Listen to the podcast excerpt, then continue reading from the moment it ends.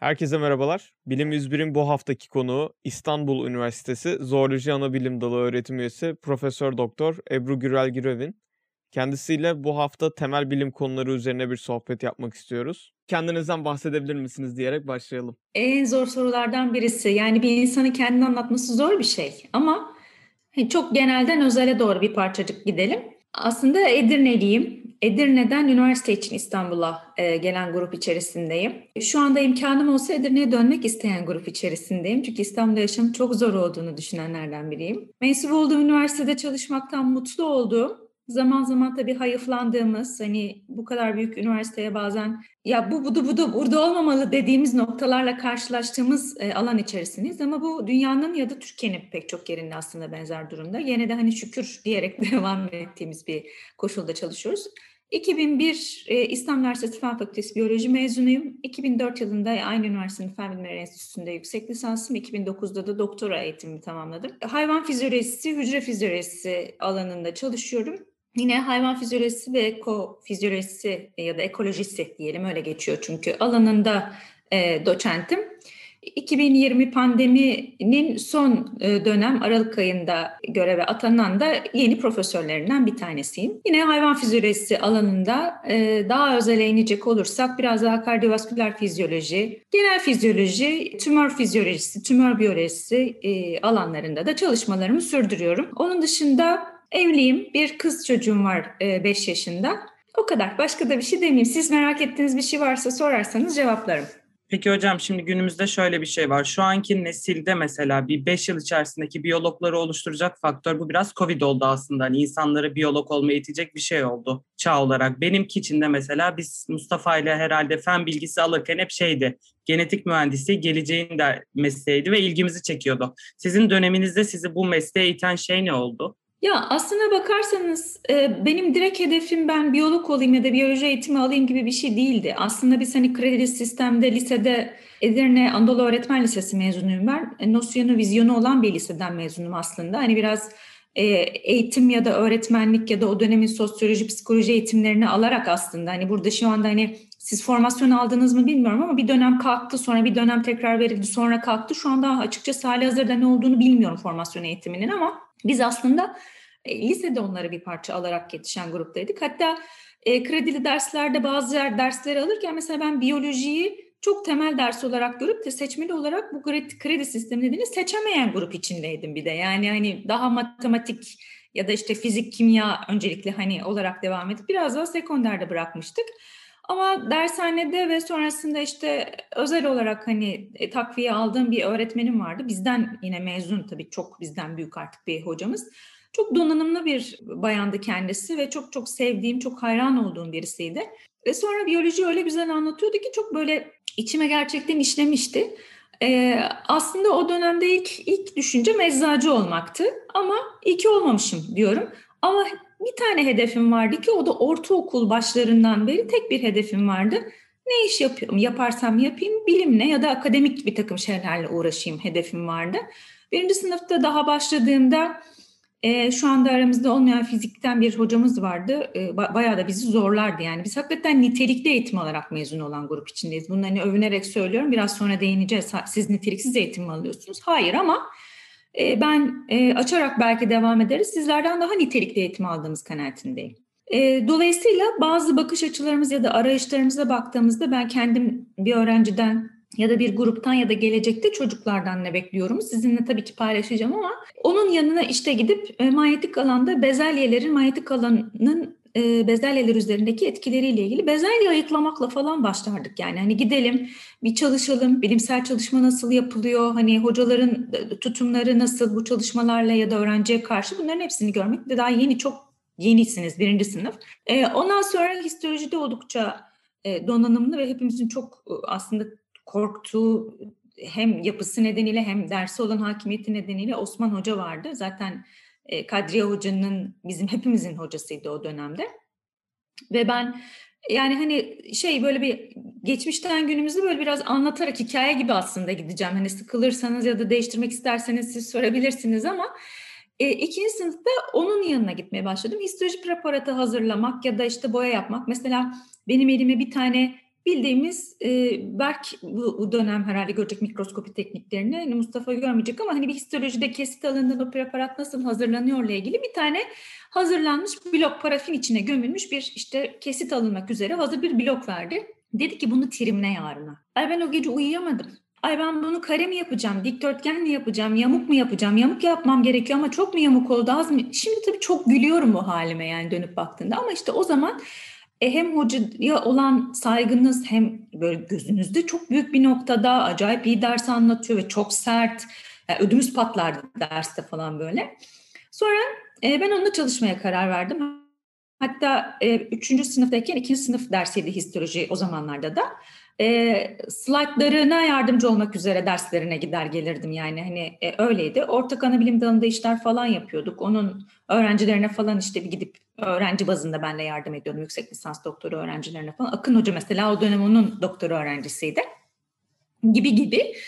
E, sonra üçüncü sınıfta Cihan Hoca ile işte karşılaştık hayvan fizyolojisi dersinde. E, dersin içeriği yani ben fizyoloji mesela bitki derslerini çok sevmezdim ben. Ama başarılı bir öğrenciydim. Gene de derslerini çalışan sorumluluk sahibi bir öğrenciydim. Yani bunu söylemeden geçemeyeceğim. Hani bunları çok dile getirmeyi seven bir insan değilimdir ama ben 2001 Fen Fakültesi birincisi olarak mezun oldum. Yani bitkiye de sevin ya da sevmeyin gereken özeni gösterirdim. Yani hayatım boyunca iki tane derse sınava gerçekten ağlayarak çalışarak gittim. Yani e, bu nasıl derstir, bu nasıl şey? Biri bitki morfolojisi, morfoloji kısmı kolaydı, sistematik kısmı hakikaten çok sıkıcı ve yorucuydu. Yani yoruyordu insanı. Diğeri de hayvan embriyolojisi, şimdiki gelişim biyolojisi dersi. Çünkü çok detay vardı. E, biraz hocanın çalışma alanlarına çok daha işte piliç embriyolojisi çalışmış, aşırı detay vardı yani. E, o çok yorucu geçirmiştik hani o sınavlara girerken o süreçleri ama e, gene de mesela bitki fizyolojisi, bitki hormonları o dersler beni çok cezbeden, çok böyle ilgimi çeken derslerdi. İşte bunlar biraz fizyolojiyle de alakalı olması nedeniyle herhalde e, o beni araştırmaya, mesela Muammer Hoca'nın fizyoloji dersinden çok keyif alırdım ben o dönem, o kendisi veriyordu dersi. Sonra işte Cihan Hoca'nın bir takım çalışmalarına katıldık. Osman ve Cihan Hoca zaten aynı zooloji ana bilim dalındaydı. Ortak işler yapıyorduk. Dördüncü sınıfa geldiğimde de Cihan Hoca işte yüksek lisansla ilgili birazcık konuştuk ettik ve ben e, orada devam etmeye karar verdim. Hocalarla da konuşarak e, sonrasında şanslı grup içerisindeydim. Mezun e, olduğumda e, her ne kadar hani başarılı olanı bir şekilde ödüllendirmek gibi bir durum vardı. Şu anda istesek de onu çok başaramıyoruz. Yani kadro bulmak çok zor şu koşullarda çünkü. Ama o dönem bir tane sistematikten arkadaşımızla bir tane de bizim ana bilim dalında bizim alana olabilecek şekilde bir kadro gelmişti. O süreçte bile aslında 6 kişi falan girmişti, başvurmuştu yani. 2001 yılından bahsediyorum yani ne kadar eski bir süreçten bahsediyorum 20 yıl önceden.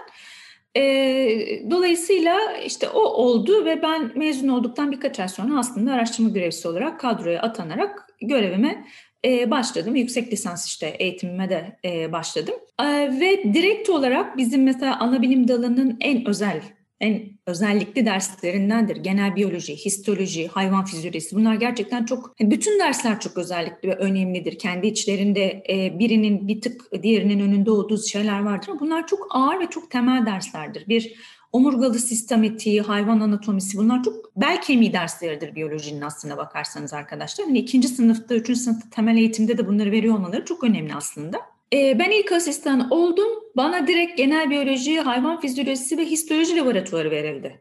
Gireceksin diye. Tabii yorucu ve hatta ben ilk ilk iki hafta sonra doktora gittim. Direkt olarak e, ses tellerini zedelemişsin diye söyledi. Çünkü çok üst üste ve hazırlıkları gerçekten çok uzun süren de laboratuvarlarda. Hani o zaman da sayılarımız çok dehşetli yukarıda değil. Gene de şimdikinden daha iyiydi asistan durumumuz o süreçte bile. Ee, ama ben çok keyif alarak girerdim. Ama biz laboratuvarlara nasıl girerdik? Osman Hoca işte hani isim de veriyorum size ama e, şu an moleküler biyolojide Engin Bey vardır. Biz onunla e, o benden bir dönem öncedir. Beraber e, aynı süreçlerden geçtik. Biz ikimiz de o dönem aynı laboratuvara giriyoruz.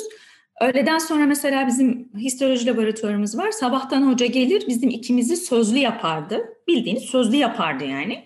Biz ondan sonra laboratuvarlara giderdik. Ve bütün o e, sadece laboratuvarda anlatacağımız konudan değil, o konunun kitapta geçen kısmı ile ilgili bizi sözlü yapardı. Ama ben e, hep her zaman diyorum ki çok sağ olsun, iyi ki öyle bir şey yapmış. E, çünkü bir şeyi okurken işte birinci sayfa ile beşinci sayfayı birbirine bağlamam gerektiğini ya da histolojiyle fizyoloji ya da genel biyolojinin e, atıyorum bitki hormonlarında bir etkisi ile ilgili bir notunu bağlamam gerektiğini elbette ki hepimizin hala açık olan tarafları var ama e, onlar sayesinde öğrendik. Yani belli bir e, bakış açısı bize getirdiler. Mesela biz o dönemde hani çok komik gibi geliyor ama ilk etapta ben Cihan Hoca ile aynı odada oturuyordum hani fiziki koşulsuzluklar nedeniyle. E, e, tabii hocanın odasında bir hoca gelip gidiyor işte bir şey oluyor. Biri geldiği zaman biz ne iş yaparsak yapalım işimizi bırakır ayağa kalkardık. Yani hani böyle bir şeyden geldik. Hani şimdi bunlar hepimize gülünç geliyor, komik geliyor ama aslında bakarsanız e, dönüp baktığım zaman iyi ki öyle yapmışız, iyi ki öyle öğretilmişiz diye söyleyeyim. Tabii ki bunları o noktada öğrenmiyorsunuz. Bu aileden gelen bir eğitimdir. Yani aileniz size bir şey verdiyse onu bir şekilde uygularsınız. Sadece modifiye edersiniz girdiğiniz ortamda. Yani temizlik konusunda ne kadar hassas bir insan olursanız olun, evinizde gösterdiğinizle ortak bir alanda başkalarıyla yaşadığınızdaki hassasiyet aynı skalada olmuyor. Yani evde 10 üzerinden 9 veriyorsanız o hassasiyetinizi dışarıda mecburen bunu 6'ya 7'ye düşürmek zorunda kalıyorsunuz. Yoksa kafayı yersiniz yani. yani çünkü yanınızdaki arkadaşınız buna uymuyor ya da koşullar bunu gerektiriyor. Yani o kadar tırmalamanın anlamı yok gibi aslında işte. Onu bir şekilde gerektiği noktalarda törpülüyorsunuz hangi davranışınız olursa olsun. Şöyle bir alt parantez açayım. Formasyon şu anda bize verilmiyor. Ancak almak isteyen arkadaşlarımız gerek Marmara Üniversitesi'ne gerekse de bizim biyoloji öğretmenliği bölümüne Hasan Ali Yücel Eğitim Fakültesine bağlı oraya gidiliyor. Belirli bir meblağ karşılığında. Bundan bir yıl kadar önce 2000 TL'ye denk geliyordu sanırım. Öyle bir meblağ karşılığında işte birkaç haftalık, 6 haftalık sanırım eğitim veriliyor.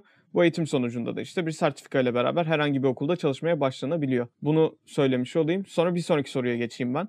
Biraz daha günümüze geleceğim. Bir bilim insanı olarak gününüz nasıl geçiyor onu merak ediyorum ben. Valla aslında yorucu diyelim. Online eğitim bizim için daha yorucu. Hani daha basit gibi geliyor. Mesela benim de yeğenim var şu anda e, ikinci sınıf, üniversite ikinci sınıf öğrencisi. Ve çok yoğun çalışıyor. Yani ben bir de ister istemez onunla karşılaştırıyorum. Çünkü mesela hali hazırda ben şu anda kendi evimde değilim. Biz annemler, ablamlar ve biz birbirimize çok yakın yerlerde oturuyoruz ve ben şu an ablamdayım mesela. Çünkü e, çocuğumun kalkıp kahvaltı etmesi, evde bir düzen kurmak belli bir saati geciktiriyor. Ve öyle olunca da yapmanız gereken işler otomatikman domino gibi birbirine vurarak ama olumsuz bir domino şeklinde. Yani gece bir bakıyorsunuz saat 12 olmuş, 1 olmuş hala daha hali hazırda temel yapmanız gereken işi yapamamışsınız. Çünkü bölümden evrak geliyor, bölümün başka hani kötü bir tabir ama ıvır zıvır olarak tanımlayıp kendinize çok bir şey katmayacak bir sürü işi geliyor. Yani bunu da yapmanız gerekiyor çünkü bu sizin görev tanımınızın içerisinde var. Ya da işte ne bileyim öğrencinin ders notuyla ilgili bir şey. Bir, mesela ben e, çoğu hoca bana diyor ki e, zooterapide de hatırla Mustafa ben e, slaytları mutlaka görmek isterdim. Çünkü çocuk onu nasıl sunacak, hangi sırayla sunacak bir, bir de hani ters bir cümlesi var mı? E, çünkü sunacak onu dersi çocuğa bir şey öğretecek ya da anlatacak o noktada görmek isteyip bir de e, düzenliyorum onun. İşte yanlara dayalı mı mutlaka gözümden kaçan şeyler var ama yana dayalı mı, üstü böyle mi, o şekil ona uygun mu? Biraz bu takıntılı bir tipim. Dolayısıyla e, slaytların her birini okuyarak e, çocuğa göndermek istiyorum. Bu bile çok ciddi zaman alan bir iş aslında bakarsan. Herkes bana diyor ki yani niye uğraşıyorsunuz? Sonuçta onun sorumluluğunda. Evet ama işte o bu dersi de ben veriyorsam o aynı zamanda benim sorumluluğumda. Yani doğru bir şekilde ifade etmek gerekiyor e, anlatılan şeyleri de. E, işte sabahleyin mesela ben genelde 8 gibi falan karşı apartmanda işte ablam buraya geliyorum. Kendi evime bile gitmiyorum yani düşünün. Çünkü e, çocuğa annemler baktığı için ve onlar da belli bir yaşın üstünde olduğu için e, ve ben de henüz daha aşılı olmadığım için ve onlar da aşılı olduğu için belli şeyleri disiplinize etmek zorundayız. Ve çok giriş çıkış dışarıdaki şeylerimizi kontrol altında tutmaya çalışıyoruz. Okula gidiyor musunuz? E, dolayısıyla e, burada işte yapılacak bütün işlerimi bir sisteme koyup e, onları yapmaya özen gösteriyorum. E, ama daha önce ilk dönem nasıldı? E, işte çocuk çocukla kahvaltı edip ondan sonra e, hali hazırda evde olunca evin işi hiç bitmiyor. Yani bir şekilde yapmak zorundasınız onu da. Hani ben oturdum şimdi dersim var işte atıyorum e, yemek masası orada dursun gibi bir durum olmuyor. E, onları düzene koyup, koyup da tamam artık deyip böyle bilgisayar başına oturduğunuzda 12'den önce olmuyor. E, ıvır zıvır da birkaç işiniz varsa saat 2'yi 3'ü buluyor. Hadi öğlen yemeği geldi. Mecbursunuz çocuk var çünkü vermek zorundasınız yani.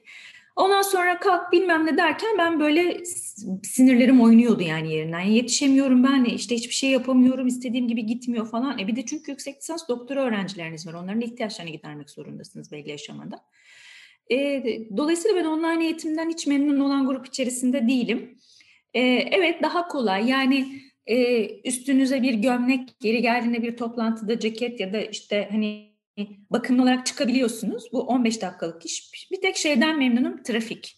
Yani bazen okula gitmem gerektiği zamanlar oluyor. 2 saat. 2 saat. 2 saatte de hadi bir saatte dön minimum. 3 saat. 3 saatimi en azından cebime koymuş oluyorum. O arada onu hani ya çocuğumla ya işte ne bileyim çalışarak ya da işte diğer işlerimi hallederek geçirmeye çalışıyorum diyorum. Ama hani altınızda eşofmanınız olabilir. Yani çok pantolonunuz olabilir. Çok böyle özellikle bir şeye gerek yok hani konuşurken ya da bir şey yaparken. Ama e, çocukla birebir temasa geçmediğiniz için hani gözünü görmüyorsunuz. Birçoğunun kamerası kapalı. Atıyorum şimdi Berk orada ama kendisi orada mı değil mi? Yatıyor mu? Başka bir işle mi meşgul? Dersi dinliyor mu? Nasıl dinliyor? Bilemiyorsunuz onu. Yani o temasınız olmadığı için çok verimli geçti mi dersiniz? Nasıl geçtiği kavrayamıyorsunuz. O yüzden de e, ben çok e, mutlu değilim. Bir de tabii o hareket, git gel, e, işe gitmek sosyalleşmekle de alakalı bir şey ya da okula gitmek sizin için sosyalleşmekle alakalı bir şey. O insanın psikolojisini de olumsuz etkileyen bir şey. Gene de o koşuşturmaca içerisinde bir şekilde idare ediyoruz ama ben de hani e, en kısa sürede online eğitimin bitip e, iş yerine hani sizlerle birlikte dönmek için sabırsızlanan grup içerisindeyim. Yorucu, çok fazla zaman varmış gibi görünen, zamanı yettiremeyen grup içerisindeyim ben de.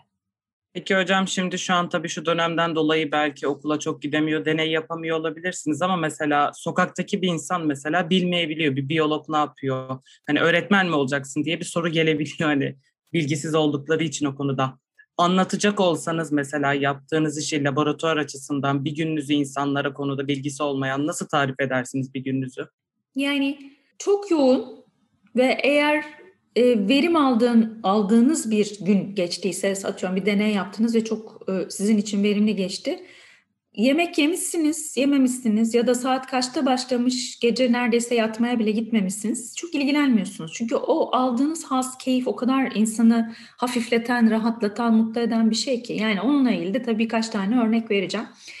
Ee, ilk yüksek lisans eğitimime başladığımda tabii yani şimdi siz de mezun olacaksınız, deneyimsiz mezun olacaksınız. Yani kendi çabalarınızla kendinizi yetiştirmeniz, bir laboratuvara giderek işte atıyorum Serap Hanım'ın yanına gidiyorsun, işte Ayşe'nin, Fatma'nın yanına gidiyorsun. Bir şekilde kendini geliştirmeye çalışıyorsun, tekniği görmeye çalışıyorsun ama görmek, yapmakla bakmak da aynı şey değil. Yani bir şeyi çok iyi görürsünüz, anlarsınız ama elinize pipeti aldığınız anda eliniz ayağınızda dolaşabilir.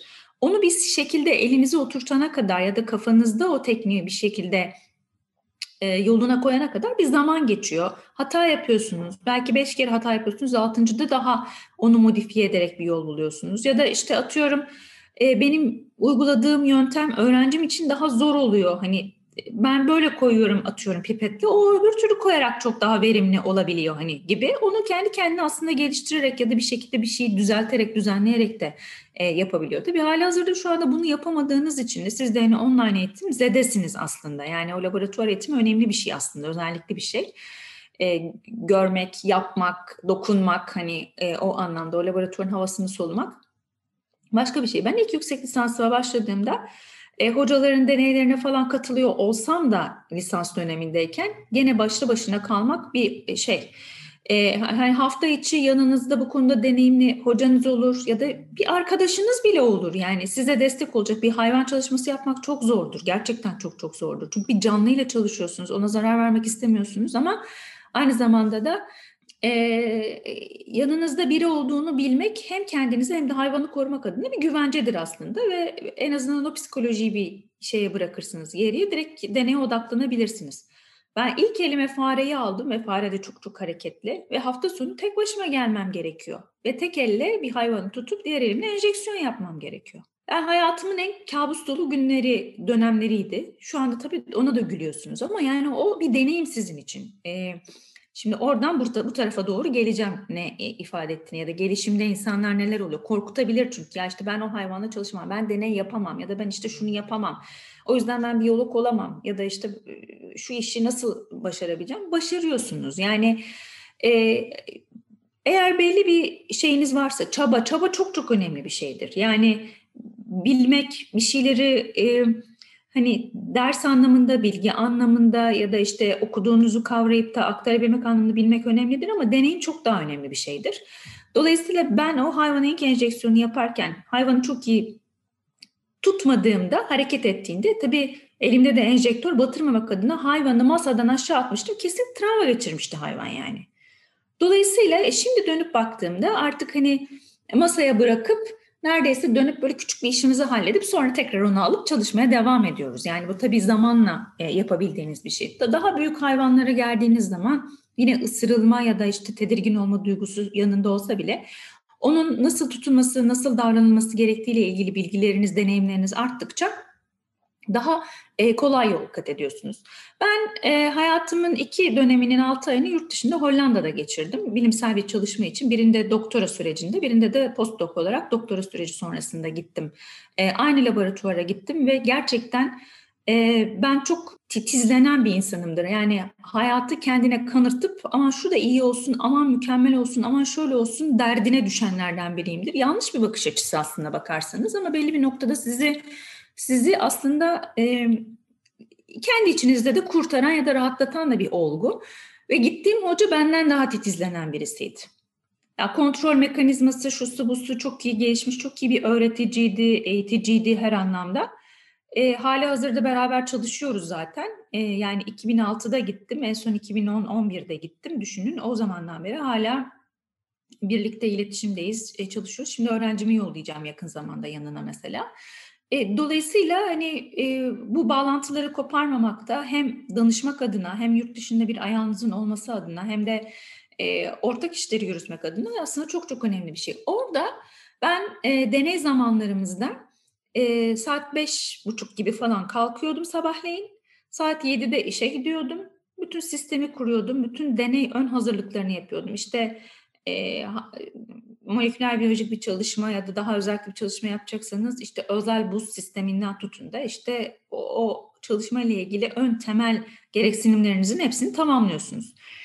E, işte hoca geldiği zaman birlikte deneyimizi e, yapıyorduk. E, ve sonrasında işte o bana bütün laboratuvarı bırakıp gidiyordu. Acil bir durum olduğunda şuradan beni ararsın. Gelir bakarım ama mutlaka iki kere üç kere laboratuvara gelir bir bakardı bir şeye ihtiyacın var mı? Yolunda gidiyor mu her şey? Yani sorumluluk sahibiydi ama e, tamam dedikten sonra laboratuvarı teslim edebilme durumunda e, yaşadığımız birisiydi.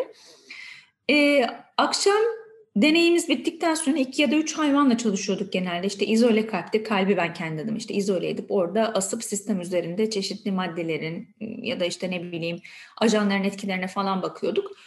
İşler ters gidebiliyordu, hayvanınız ölebiliyordu, kalp istediğiniz performansla çalışamayabiliyordu. Tabii moraliniz bozuyor o an, o, bozuluyor ama topluyorsunuz kendinizi. Sonra yeni bir hayvan ya da çalışma işte şeyle devam ediyorsunuz. Ama eğer ki o gün mesela 3'te 3 yaptıysanız ki %70-80'lerde bunu başarabiliyordunuz. E, deney bittikten sonra sistemi tekrar temizlemek ve yarın sabah hazırlamanız gerekiyor. Ben çoğu zaman laboratuvarda mesela 11'de falan çıkardım. Yani sabahleyin 7'de gelip akşam 11'de falan giderdim, çıkardım laboratuvardan. İşte eve gitmem bilmem ne işte 12. E, sabahleyin gene kalkıyorum 5.30'da geliyorum. Ama hiç yorulduğumu ya da Allah kahret çok stresli olurdum. Ters gidecek mi? Çünkü hayvan yani bulmak çok kolay olmuyor çünkü projeler çerçevesinde de. Ama e, onun sonuçlarını görmek, değerlendirirken ya da o çalışma atmosferinde mesela burada bir yılda yaptığınız şeyi orada üç ayda yapabiliyorsunuz. Yani üçte biri zamanda neredeyse yapabiliyorsunuz. İyi bir ekibin içindeyseniz. Neler yapıyorsunuz işte biyolog olarak? Tabii ki sadece deney yapmıyorsunuz. Sadece akademik hayatta olmak zorunda değilsiniz.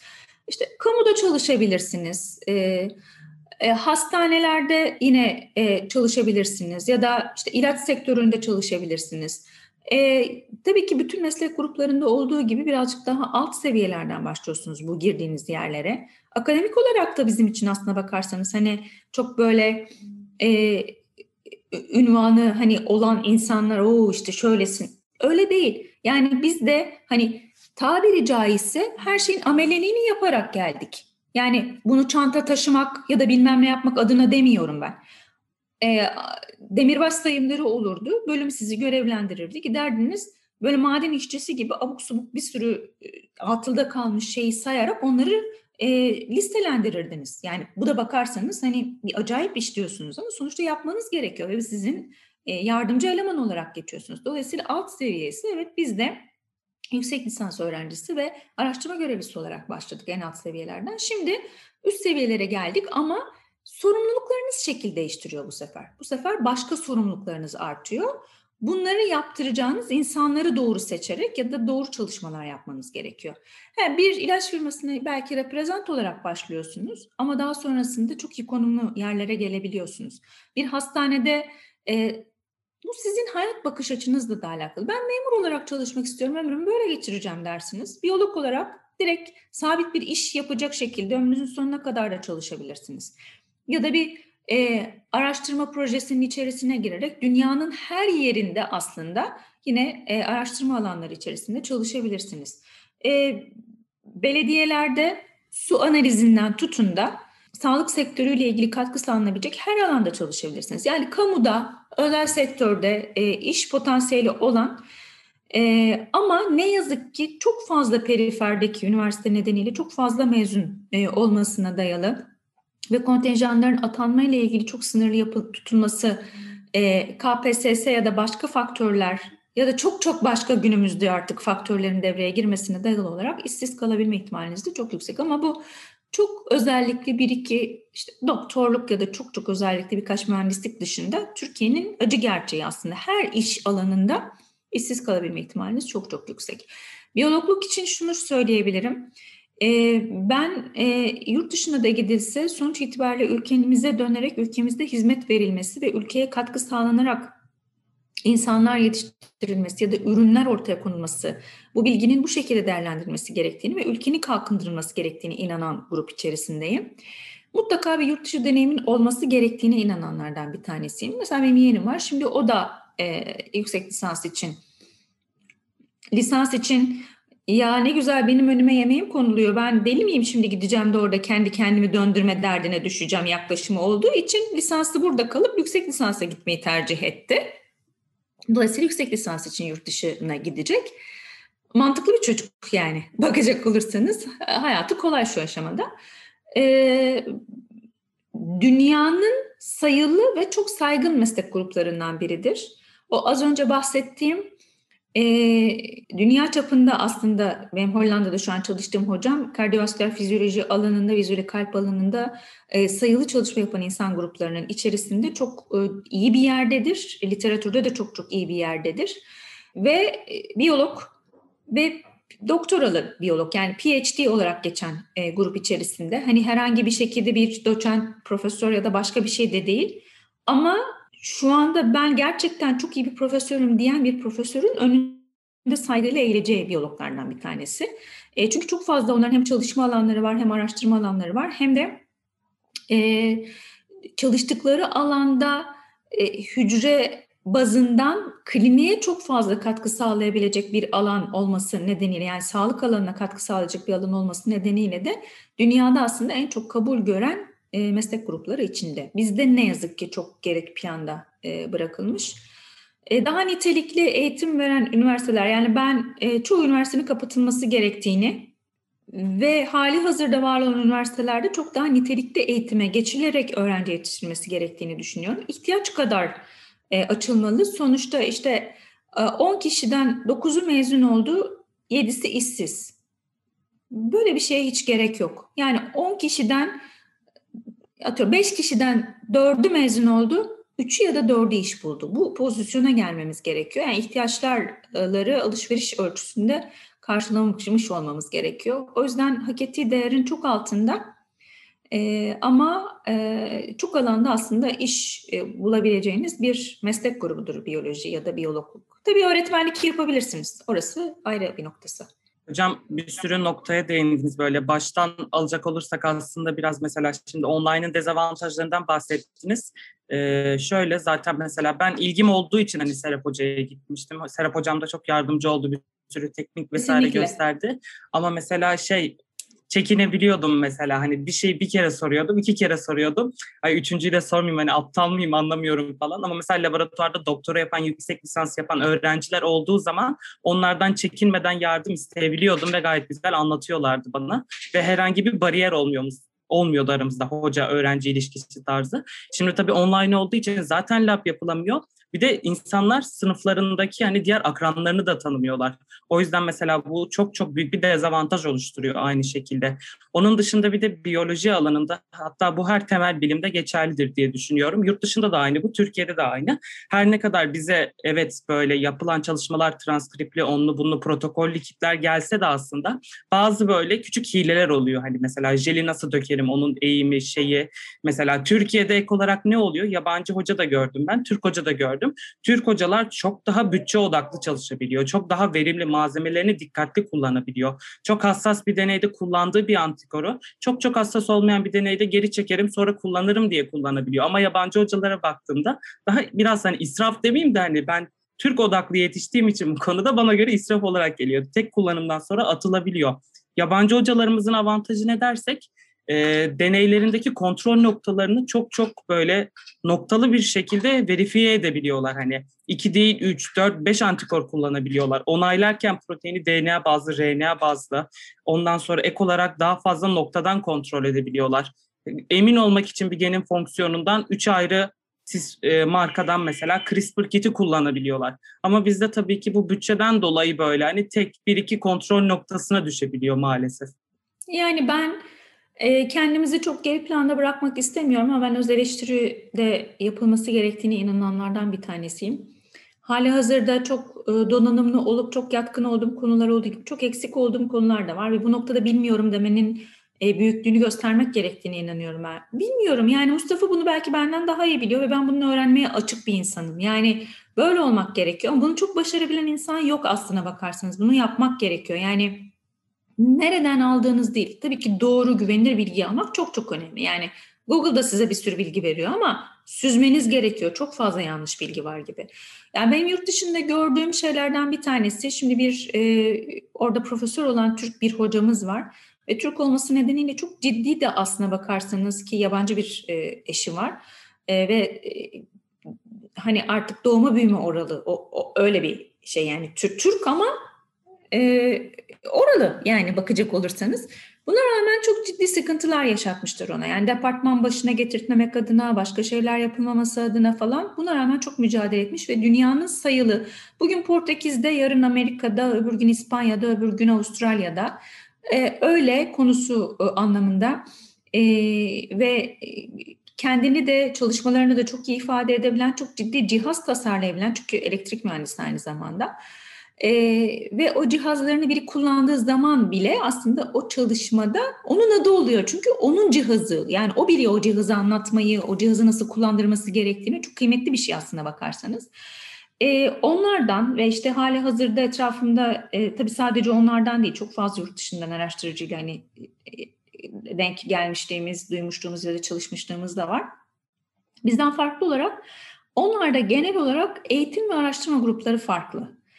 Bazılarında da ortak yürütebiliyorlar. Yani işte diyelim ki bir departmanın başındaki birisi e, belli ölçüde derslere de gidip katkı sağlayabiliyor. Çünkü özellikle birisi ve öğrenciyle karşı karşıya gelip kendi bölümünü tanıtması da gerekiyor. Belli bir noktaya kadar. Ama onun dışında bütün araştırmalar da var. Ama daha böyle e, yönetici pozisyonunda olması nedeniyle bütün araştırmalarda adı geçiyor. Bütün araştırmalardan haberi var, fikri ve bilgisi var, katkısı da var. Ama birebir gidip laboratuvarda elbette ki çalışmıyor. E, ama esasen o bölümü canlandırmak, bütçelendirmek, işte proje bütçesi bulmak, bilmem ne yapmak ve e, oranın, o kliniğin ya da o e, deneysel bölümün dönmesinden sorumlu. Çok büyük bir sorumluluk aslında. Mesela benim çalıştığım hocalardan biri e, o, o bölümün başındakilerden biri bu işleri yürütüyordu. Benim hocam deneysel kısım içerisindeydi. Ve adam sabahleyin 8.30'da gelir, 9'a kadar kahvesini içer, genel konuşmalarını, görüşmelerini yapar. Mutlaka ve mutlaka haftanın e, pazartesi günü ya sabah ya öğleden sonra bir buçuk iki saatlik bütün ana bilim dalının bir araya geldiği bir literatür saati vardır. O literatür gönderilir ve insanlar tarafından paylaşılır, e, tartışılır. Diyelim ki Mustafa bir deney yapıyor ve bir çıkmaza girdi. Herkes fikrini paylaşır, elinde malzemesini paylaşır. Yani bu çok çok önemli bir şey aslına bakarsanız. Bizde şu anda A kişisi bunu yapıyor, B kişisi bunu yapıyor tam olarak diyemiyorsunuz. Çok yakın arkadaşınız, sohbet içinde konuştuğunuz birisi eğer ki değil biraz daha sekonderde kalan birisi ise aa sen onu mu çalışıyordun falan diyebiliyorsunuz. Ya da yakın olup şu anda hele online eğitim nedeniyle daha da uzak mecburen e, kalıp da ne yaptığını bilemediğiniz insanlar var. Aslında çok ortak bir konuyla çalışıyorsunuz ve diyelim ki işte ben onun fizyolojisine bakıyorum. Moleküler biyoloji ayağına ihtiyacım var. Gidiyorum işte Marmara Üniversitesi'nden birini buluyorum. Oysa ki benim çok yakın arkadaşım yan tarafta bunu yapıyor misal. Yani dolayısıyla hani bunları birazcık daha e, bir araya getirip de değerlendirmek gerekiyor diye düşünüyorum. E, o hoca sabah 9'dan öğlen yemeğine kadar eğer laboratuvarda bir işte ben mesela laboratuvarda deney yaparken o sadece ara verdiğinde bir kahve alacaksa tekrardan e, o ara beni hem kontrole gelirdi hem ihtiyacım var mı diye bir şey sormaya gelirdi hem de işte işte e, yemek için işte ihtiyaçlarını gidermek için gelirdi e, adam. Onun dışında hep literatür okurdu. İşte bilgi olarak bizden çok daha önde olmaları. Çünkü ben tam bir şey konsantre oluyorum, bir yayın için bir şey yapıyorum derken çat ders saatim geliyor. Mecburen gidiyorsun. Ya da yüksek lisans öğrencinin bir şey oluyor, onunla uğraşmak zorunda kalıyorsun. Ya da bölümden bir tane evrak geliyor, stratejiden bir rapor geliyor, 50 sayfalık rapor, 2 sayfa sizi ilgilendirmiyor. Ama hepsini doldurmak zorundasın. E bu, bu, bu gibi şeyler nedeniyle çok bölünmüşlüklerimiz var. Bir de ülke koşullarını değerlendirdiğinizde psikolojik olarak çok ciddi sıkıntılar var. Evet dünyanın her yerinde şu anda bütçelendirme ile ilgili problem var. Ya işte dün en son haberleştik yurt dışındaki hocayla. Orada da tabii ki koşullar değişti. Yani projeler ama çok çok büyük projelerde çalışıyorlar. Ee, ve mesela e, Hollanda'da işte gittiğinizde yurt dışından bile olsa postdoc olarak gittiğinizde ya da işte doktor eğitiminde de doktor öğrencileriyle de konuşmuş. Eğer ki sizin maaşınız yoksa ya da maaşınız belli bir seviyenin altında ise size belli bir miktarda para veriyor mesela. Kalacak yerinizle ilgili bilmem neyle ilgili. Bu bizde var mı? Varsa da en azından Suriyeli ya da başka öğrenci için bunu hor gördüğüm için söylemiyorum. Yani Suriyeli öğrenciye de destek verilmesi gerektiğini inanıyorum ya da dışarıdan gelen öğrenciye de destek verilmesi gerektiğini inanıyorum ama bizim kendi öğrencimizin böyle bir ihtiyacı varken o giderilmeden başka bir şeye de uzanılmaması gerektiğini düşünüyorum ben de. E, dolayısıyla bu e, literatür bilgisinin çok fazla olması ve çok iyi kaynak araştırabiliyor olması nedeniyle işte senin o dediğin gibi hangi noktalarda e, e, hangi genle çalışacak, hangi kiti hangi noktada alması lazım, hangi primerle çalışacak gibi şeyleri çok çok daha iyi analiz edebiliyorlar. Hocam bu değindiğiniz noktada zaten en önemli faktör bütçelendirmenin vergilerden sağlandığı için aslında hani toplumu aslında bir konuda ikna etmek. Şimdi ülkemizde benim bildiğim kadarıyla yok ama yurt dışında bilim iletişimi diye artık okullarda bölümler açılmaya başlandı. Bu biraz hani tüm genel olarak bilimi ya da spesifik alanları belli bir şekilde basitleştirip topluma sunma gibi oluyor. Nasıl mesela şu an ülkemizdeki uzay programında insanlar işte bizim şu sorunumuz var, şu bu, bu sorunumuz var, insanlar öç ölüyor ona mı paramızı vereceğiz desek de aslında bir yerden başlayıp bilimi geliştirmemiz gerekiyor. İşte mesela bizim şu an bu yapmış olduğumuz yayın, sonra YouTube'da gelecek bilimde gibi kanallar da var aynı şekilde böyle insanlara bilimi anlatmalıyız ki insanlar evet benim vergim şuraya gitmeli demeli ya da insanlar bu tarz bir devlet oraya bütçeyi ayırdığında dememeli. İşte neden o kadar oraya ayırdınız bizim daha önemli problemlerimiz var. Çünkü baktığımızda mesela ülkemizde çok biyoloğun değeri bilinmese de biyologların geliştirdiği teknikler ve altyapıları kullanıyor tıpta sonuçta. Doktorun size uyguladığı ilaçlar, tedaviler, onlar bunlar en basitinden dikiş sonrası için kullandığınız ağrı kesiciler bile biyologlar geliştiriyor. Yani biyologlar ekipmanları ve altyapıyı geliştiriyor. Doktorlar da onları uyguluyor günümüzde. O yüzden ben mesela Mustafa da öyle düşünüyordur diye düşünüyorum. Bilim iletişimi çok önemli. Sizin yaptığınız şey de aslında akademisyen olarak bir nevi bilim iletişimi. İnsanlara bilimi anlatıyorsunuz kendi alanınızda. Tabii ki bunlar lisans, yüksek lisans, doktora öğrencileri olduğu için çok sulandırmak, konuyu basitleştirmek zorunda kalmıyorsunuz. Mesela ülkemizde de yine aynı şekilde bu konuda bölümler açılabilir. Televizyona gerçekten ünvanı olan ve konuda bilgili olan insanlar çıkarılabilir. Saçma sapan sahte etiketlerle olması yerine mesela pandemi döneminde o bu şu çıkıp diyetisyen çıkaracaklarına virolog çıkarılabilirdi. Mikrobiyolog çıkarılabilirdi. Bunlar yapılmıyor ülkemizde maalesef. Sizce mesela ülkemizin bilime olan tutumu nasıl? Geçmişle kıyasladığınızda günümüzde toplumun bilime olan ilgisi nasıl sizce? Yani sen konuşurken e, çok büyük hayal kırıklıkları yaşadım açıkçası. Senin konuşman çerçevesinde değil. Yani hep ne bekliyoruz, ne istiyoruz? Hani umutlarını anlatıyorsun, beklentilerini anlatıyorsun. Ama ben bunların yüzde onunu bile karşılayabilecek bir durumda olduğumuzu düşünmüyorum. Yani biz bunların yüzde yüzünü de üretip ortaya koyabilecek durumdayız. Ama toplumun yüzde onunun bunu algılayıp uygulayabilecek durumda olduğunu düşünmüyorum. Yani çünkü e, ilkokul seviyesindeyken eğitim, öğretim bir arada aileyle birlikte başlaması gerekiyor ve ailelerin belli bir e, bakış açısının olması gerekiyor. Yani şu aşamada hali hazırda aslında ülkenin getirilmek istenildiği noktaya e, dönüp baktığımız zaman niçin herkes başka bir ülkeye gitmek istiyor? İşte bu ihtiyaçlarını gidermek adına yani çölde susuz kalmış gibi hissediyorsunuz kendinizi. Ben artık diyorum ki benden geçti. Ben hani yapmam gereken belli noktaları yaptım. Evet daha gencim. Hani yapılacak şeyler var. Kendi çapımda da yapabilecek durumdayım. Ama ben kendi çocuğumu düşünüyorum. İşte 4,5-5 yaşında ve sizlerden çok umudum var. Çünkü sizler bizden sonraki hani daha hatta bir ya da iki nesil belli noktalarda hani gelebilecek durumdasınız. Ve hani ülkeyi ve çocuklarımızı size emanet edeceğiz. Ama ben şimdi bile çocuğum bırakın ilkokulu, anaokulunda nereye göndereceğim? Kafamda bir şey var. İlkokulu burada, liseyi burada, sonrasında şöyle işte yani şimdiden plan yapıyorsunuz. Ve e, burada Türkiye çerçevesinde düşündüğüm şeylerde hepsi inşallah da hani başarabiliriz de bunu tabii maddi ve manevi olarak size çok ciddi sorumluluk getiriyor.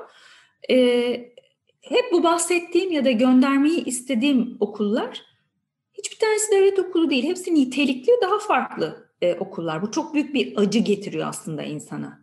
Evet, ama yurt dışına gidip tamamen orada yaşamak da çözüm değil. Dünyanın en iyi yerine, en iyi konumla bile gitseniz o gittiğiniz ülkenin her zaman ikinci sınıf vatandaşısınız. Yani Sabahleyin çöpleri laboratuvardan almaya gelen birisi bile eğer senin o ülkenin vatandaşı olmadığını anlıyorsa sana bakışı farklı. İkinci sınıf vatandaşsın ne olursa olsun yani her herhangi bir şey olduğunda direkt gözden çıkarılacak grup içindesin bakacak olursan. Ve doğru, doğru. bu ülke topraklarında işte bu ülke için zamanla çok fazla özveriyle e, şeyler yapılmış, mücadeleler verilmiş. Onu devam ettirmek, buraya sahip çıkmak, burada bilgiyi aktarmak gerektiğine inanıyorum alt seviyelerdeki eğitimi olgunlaştırmadığımız sürece liselerdeki bu saçma sapan isimleri e, isimleri diyorum bakın çünkü içleri bu şekilde doldurulmaya çalışılıyor. Bunları değiştirip çeşitlen endüstri meslek lisesi olacak, İmam Hatip Lisesi olacak, Anadolu Öğretmen Lisesi olacak, Süper Lise olacak, Fen Lisesi olacak, olacak, çeşitlilik olacak, çocuk vizyon kazanacak ve tek tip öğretmenden oluşmayacak.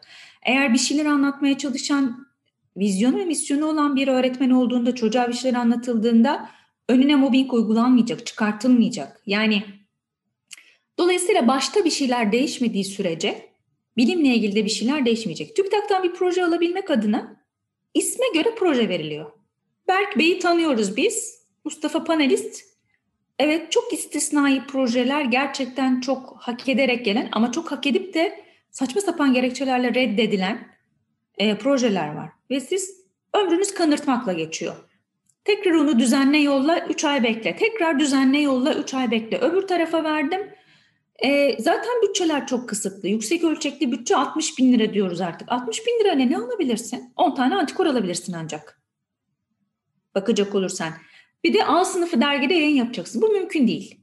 Yani bütçelendirmeyi arttırmadığınız sürece, e, dış kaynaklı proje yaratamadığınız sürece, ve bunlar da işte çok farklı faktörler devreye giriyor. Yani herkes eşit koşullarda işte Harran'daki hocayla Edirne'deki hoca, bizdeki hoca e, ama değerlendirilme kriterleri birebir aynı. Şu şu niteliklerde ismin hiçbir önemi yok, içerik önemli bazında. Benimkini kabul etmesin başımla beraber. Hadi revizyon versin ya da reddetsin. Siz ona göre düzenleme yaparsınız. Ama işte şu şöyle, bu böyle hani böyle bunun çöpü, bunun sapı tarzında e, şeylerle insanların umutları, hayalleri kırılıyor. İşte o yüzden siz dış kaynak projeler ya da dışarıya gitmek istiyorsunuz, orada çalışmak istiyorsunuz. Yani bilimle ilgili bir şeyleri geliştirebilmek adına her şeyden önce anne ve babalarımızın bunu idrak edecek şekilde eğitim alması gerektiğine inanıyorum ki öyle çocuklar yetiştiresin. Çok çok istisnai aileler var. Eğitim seviyeleri çok yukarıda olmayıp çocuklarına çok büyük destek olup onların çok iyi noktalara gelmesi için savaşan, çok saygı duyduğumuz insanlar var ama bu ancak toplamı yüzde onu.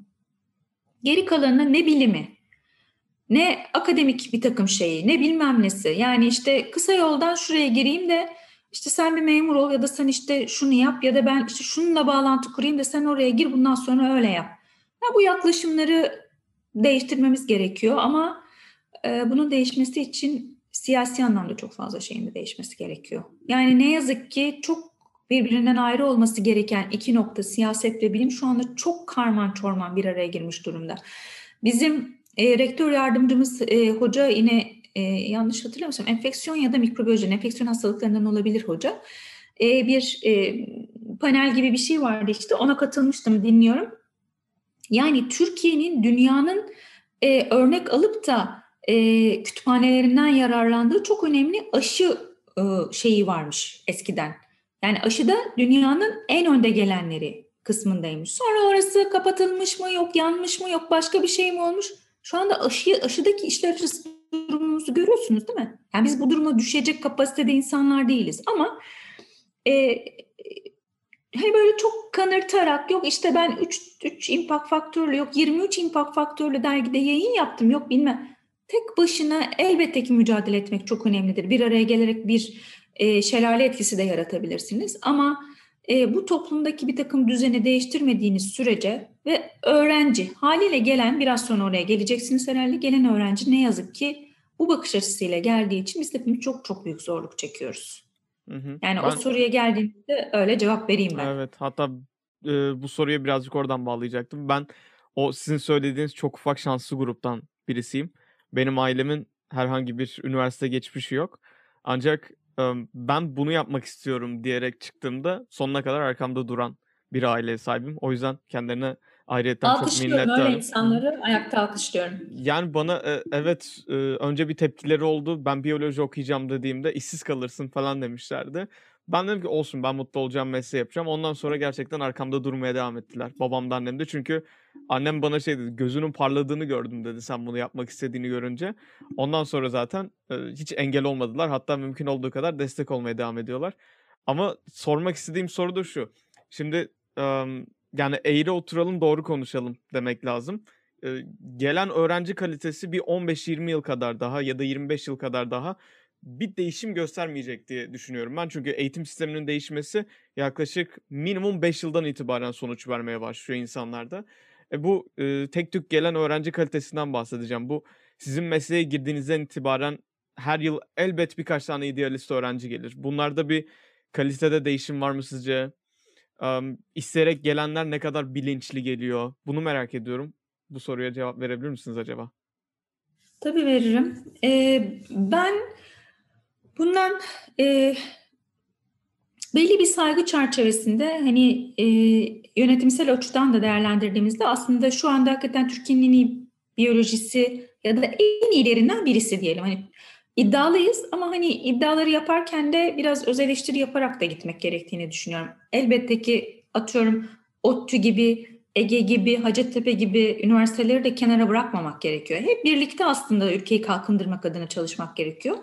Türkiye'nin en iyi biyolojisi ya da Türkiye'nin en iyi fen fakültesi olabiliriz. Belki de öyleyiz gerçekten. Hani rakamlara baktığımızda da o rakamların nereden geldiğiyle ilgilenmek gerekiyor aslında bakarsanız. Ama baktığımızda evet içiyle ilgili olarak da şimdi konuşacağım. Ee, bu komisyonlarda ya da herhangi bir şekilde e, bizim bilgi alışverişi yaptığımız platformlarda dekan hocamızdan en alt düzeydeki e, asistana kadar hani bir alışveriş yaptığımız zaman konuşmalarımızda ben hani ifadelerimi saygı çerçevesinde ama e, direkt olarak söyleyen grup içerisindeyim aslına bakarsanız. Böyle insanlar da var. Ama bazıları var ki bizim gibi düşünüp ifade etmeyen, sessiz kalan e, grupta var ya da tam tersi düşünen de var. E, çok çeşitlilik, meslek gruplarında olduğu gibi bizim mesleğimizde de çok çeşitlilik içerisinde e, yaklaşımları olanlar var. Ama e, ben bundan 5-6 yıl önce dedim ki ben 2001'de Türkiye'nin en iyi fen fakültesinden mezun oldum. Ama şu anda Türkiye'nin en iyi fen fakültesinde çalışmıyorum dedim. İnsanlar beni ya öyle deme işte evet çok şey yapılıyor. Çok çok şey yapılıyor. Ama mış gibi olmakla yapmak çok başka bir şey. Yani ben mesela dönüp bakıyorum. Ee,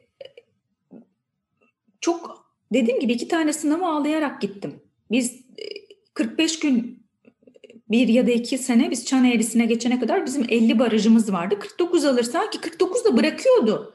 Yani ben şu anda açıyorum bakıyorum.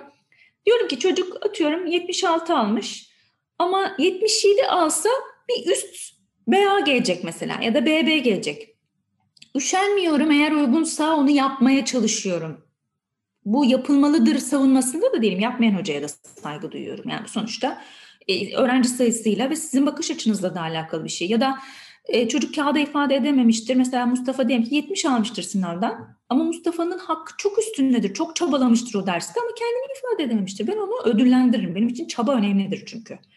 Yani o kağıt önemlidir ama kağıttan öte çaba vardır. O ne kadar emek vermiştir, o emeğin karşılığını ne kadar ölçüde alabilmiştir. Onu ödüllendirme yoluna giderim mesela. Ama e, bu platformlarda işte öğrencilerle ilgili olarak geri bildirimlerimizi konuştuğumuzda ben e, işte yaz dönemi Temmuz'un ilk haftası bitki anatomisi sınavına giriyorum. Finale giriyorum, bütünlemeye girmiyorum bakın Temmuz'un ilk haftası.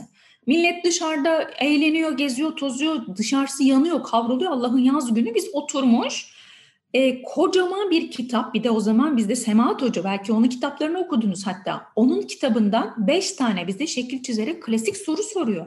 Yani bu bildiğiniz kumar. Şansa ya geçersiniz ya kalırsınız yani. Yani dolayısıyla hani e, öğrenerek, çizerek, anlatarak yani ben mesela e, çok ileri zekalı, çok çalışkan, çok bir insan değilim. Ama analiz etmeyi seven bir insanım. Yani ben dersin ağırlığına göre saatte 4 ya da 5 sayfa çalışabilen bir insandım. Bir saat sonra bir arkadaşım beni arıyor, sınava gidiyoruz. Diyor ki 50 sayfalık not misal. Ben bitirdim. Ay diyorum ki ben salak mıyım acaba ya da bir, bir şey mi var bende? Ben daha 5. sayfadayım ya. Ama ben şöyle çalışırım. Anlattım ya ilk başında da size. Aa evet böyle demiş. Şimdi diğer konuya başladım. İlk konuda da bu geçmişti. Ha evet o öyleymiş bu böyleymiş. İşte fizyolojide de öyle geçmişti. Ben onun mantığını kavramaya çalışarak okurum. Ondan sonra yüksek sesle kendi kendime anlatırım. Benim sınav dönemlerimde evde herkesin hayatı durur. Sadece kapıyı tıklarlar. Ebru yemek hazır gel. Ben giderim. Onun dışında kendi kendime odada sesli de çalışırım, anlatırım. Anlatarak çalışırdım yani. Yazarak çalışmazdım. Hep anlatarak çalışırdım ama ister istemez zaten siz o öğrenmeleri ezberliyorsunuz zaten bazı şeyleri. Ama bir yandan da fikir yürütüyorsunuz. Yani bir nokta nokta noktadır sorusu gördüğünüz zaman orada ha şöyle bir şey vardı deyip ya da tam o noktayı bilemiyorsunuzdur ama bir yerden size bir çağrışım yapabiliyor mesela gibi. Ve bizim dört bilemediğiniz dönemde beş tane zorunlu dersimiz vardı. Öyle seçmeliydi, şuydu, buydu, hiç dersimiz yoktu. Dört ya da beş. Dolayısıyla iki ya da üç günde bir sınava girerdik biz. Bu ne demek? Nitelikli çalışacaksın demek. Ve gerçekten çok zor sorular sorulurdu. Histoloji sınavında 3 3 sayfa sınav olurduk. A'dan J'ye kadar alt sınav sorusu olurdu bizde. Birinci soru 3 sayfasına A'dan J'ye gidiyor birinci soru. Yani sana kitapla ilgili her şeyi soruyor adam. Ve yeri geliyor yorum soruyor. İstersen çalışma. O zaman kalırsın. Ve zaten 300-400 kişi giriyordu derste. Amfide şeye, derse. Yani dolayısıyla eski hocalar çok daha disiplinliymiş. Çok daha e, 50 mi alacaksın? 49 aldın kaldın bütünlemeye gireceksin. Orada alırsın artık 50'yi yaklaşımındaydılar. Bu çok mu katı bir bakış açısı? Evet katı bir bakış açısı. Ama nitelikli öğrenci yetiştirmenin yollarından bir tanesi.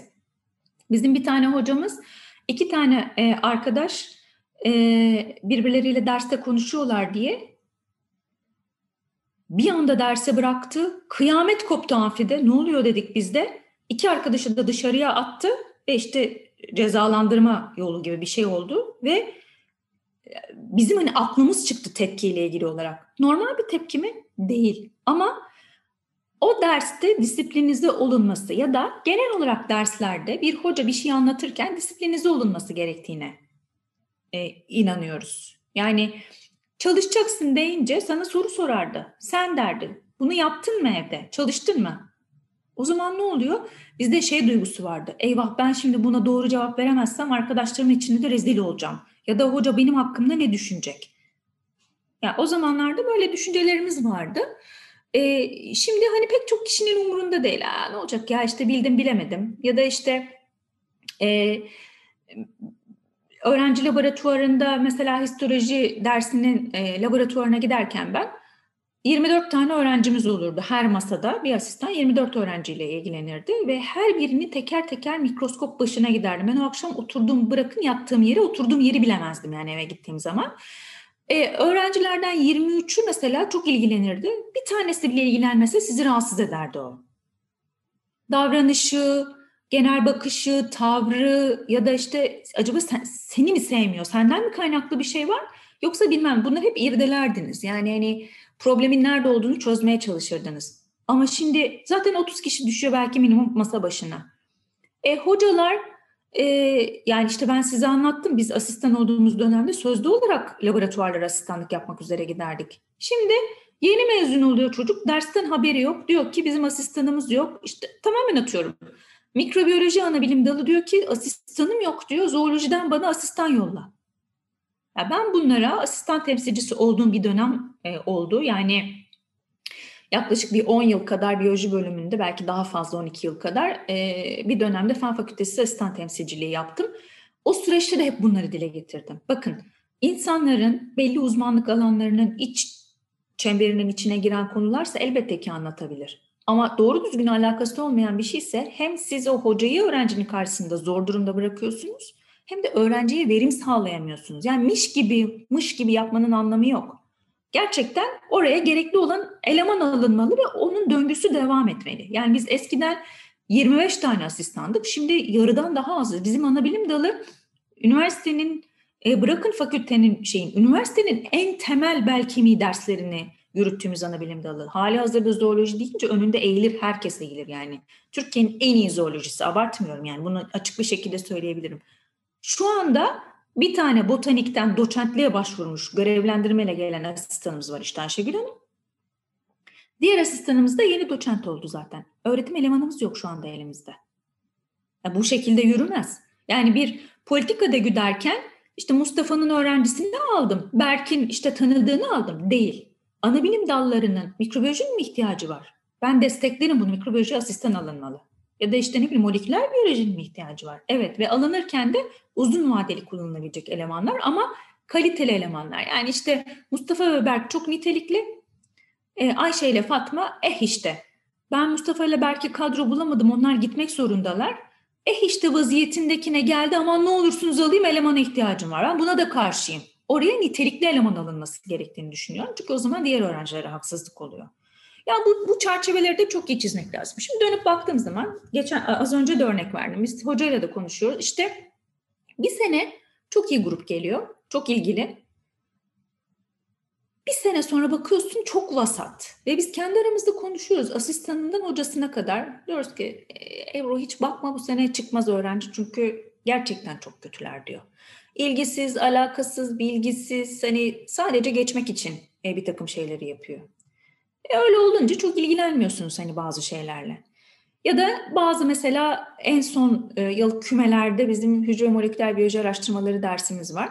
O hocanın inisiyatifinde eğer ihtiyaç duyuyorsa açmaya açıyor. Orada biraz daha öğrenciyi lisansüstü eğitim yapmak istiyorsanız öğrenciyi daha yakına tanıma şansı elde ettiğiniz daha küçük bir grupla çalıştığınız bir ders olması nedeniyle. Ama yani daha büyük kapsam mesela hücre fizyolojisinde benim aklımda kalan 3-4 tane öğrenci var. Ama e, belki daha fazla var kendini gösteremeyen hem online eğitim nedeniyle hem de dersin kalabalıklığı nedeniyle. Sizin bir 10 tane öğrencinin olduğu dersle yani şimdi mesela davranış bilimi dersindeki e, sizi tanımamla hücre fizyolojisindeki öğrenciyi tanımam tabii ki bir olamaz. Ama her geçen gün işte bu az önce saydığım aile, ilkokul, ortaokul, lise yani temel eğitimdeki eksiklikler. Çocuk testte sınava giriyor ve ezberliyor bazı şeyleri. Bize geliyor diyor ki ben e, asistan olduğum dönemde hayvan fizyolojisinde zor bir konuyu anlatıyorum. E, kalpte e, aksiyon potansiyeli. İşte pacemaker, neden pacemaker? Sinoatrial düğün mesela. Bunu anlatıyorum. Dedim ki fotokopiler çektiriyorum, gidiyorum dağıtıyorum. Bakın şekilleri bu diyorum. Ben şimdi size bunu anlatıyorum. Tahtada çiziyorum, anlatıyorum. Hoca derste anlatıyor. Ayrı konu. Çünkü laboratuvarda uygulamasında yaptırıyoruz onu. Diyorum ki bakın haftaya size şu soruyu yazın, şu soruyu soracağım. Bir tane quiz yapacağım sizi ders çıkışı, sınav, e, laboratuvar çıkışında. Bana şunu şunu çizerek şunu şunu anlatmanızı istiyorum. Daha ne diyeyim ben? Ertesi hafta geliyorum. Hadi bakalım çıkarın kağıtları. Duruyor. Niye yazmıyorsun? İşte Ömer mesela. Ya hocam şimdi orada çok uzun o altı cümle falan var. Ben bunu bire ikiye nasıl düşünürümü düşünüyorum. Ya da sosyal anlamda.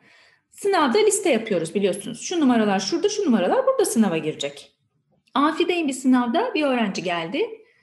Geç kalmış sınava ama girebilecek durumda. İlk 15 dakikası sınavın gelmiş. Ee, dedim ki sen işte L1'de eski binada L1'de giriyorsun. Şey, ben L3'te giriyorsun. Bir üst katta yani giriyor. Ya hocam şimdi beni yormayın oraya kadar. Bak bir üst kat. Ve genç yani sizin gibi genç. Beni şimdi oraya kadar yormayın. Ben işte şurada girivereyim sınava.